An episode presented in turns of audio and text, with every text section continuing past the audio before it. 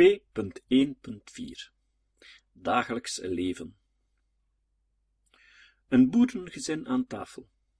Een tafereel dat Frans van Giel dikwijls heeft gezien en ook dikwijls heeft geschilderd. Een van de taferelen zou zich afgespeeld hebben op het achterste moereind, of was het Beulk. De boerin centraal op het doek, met haar hele hebben en houden rondom zich, haar kinderen en haar koeien. Is er hier nog een boer in het gezin? Zijn er nog andere kinderen op de schoolbanken? Is het een fictief gezin? Volgens Jeff van Giel niet, maar om exacte namen te noemen, was het verleden toch wel wat te ver af. Rond de eenvoudige tafel waarop een grote kom, schaart het gezin zich, gezeten op kleine houten primitieve stoeltjes. De koeien, lui liggend of staand, aan stalrepels maken deel uit van het leven. Ze horen erbij. Men ziet ze, men hoort ze. De stal, de warme adems van de koeien, de kettingen, het schuren van de palen. Geen enkel teken van enig welvaart is in het interieur te bespeuren. Stil en gelaten, het leven ondergaan is de stelregel en het lot van de Kempense boerin van honderd jaar geleden. Ze was knecht, meid voor elk werk, moeder. Emiel van Hemeldonk verwoordde haar leven raak en rauw zoals het was.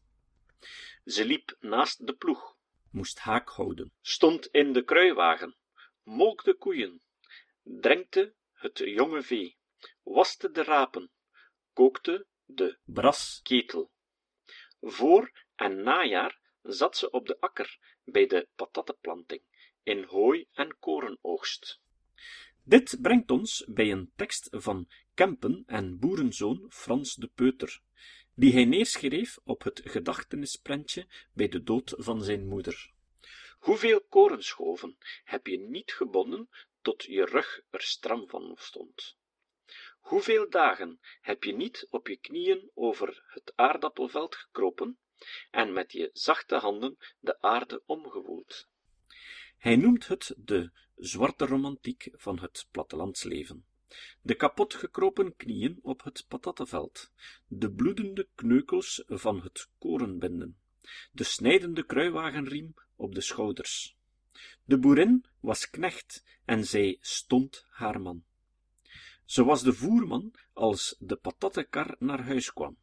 Ze was de keukenmeid, de zorg voor eten en drinken voor mens en dier, morgenspek en avondpap, de schaftzakken en de koffiefles. Ze stond bij het botervat, verzorgde de klokhen en de jonge varkens. Ze lapte keer op keer de werktenues en bracht haar avonden door met de kousemand naast zich. Ze herstelde en verstelde tot broek of sok geen model meer had en lap op lap verscheen. Ze waste en plaste aan de wastobbe met het wasbord tot ze haar armen niet meer voelde. Ze veegde en bleekte, want arm maar proper was een stelregel bij veel vrouwen. En zij was moeder van vele kinderen. Het moederschap was vanzelfsprekend. De natuurlijke wet van de vruchtbaarheid werd in al zijn eenvoud, vaak in zijn ontstellende tragiek, beleefd. Het kind werd aanvaard, godsgave en noodlot. Drie dagen na de bevalling hernam zij het gewone werk. Eén op drie wordt groot, zei de boer. God gaf, God nam. De arbeid dicteerde zijn harde wet en het leven kende geen stilstand. Nooit stapte zij uit die tredmolen. Ze was gevormd door de drie K's in haar leven: kerk, kinderen en keuken. Ze stelde niet veel eisen aan het leven.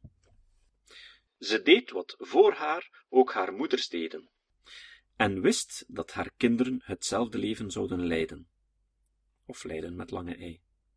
Maar ondanks alles was zij meegaand en dankbaar. Daar liggen kleine hoeven te verklaren. De zin van bidden, bijgeloof en paren. En wat wij met het leven kunnen doen. Jan Veulemans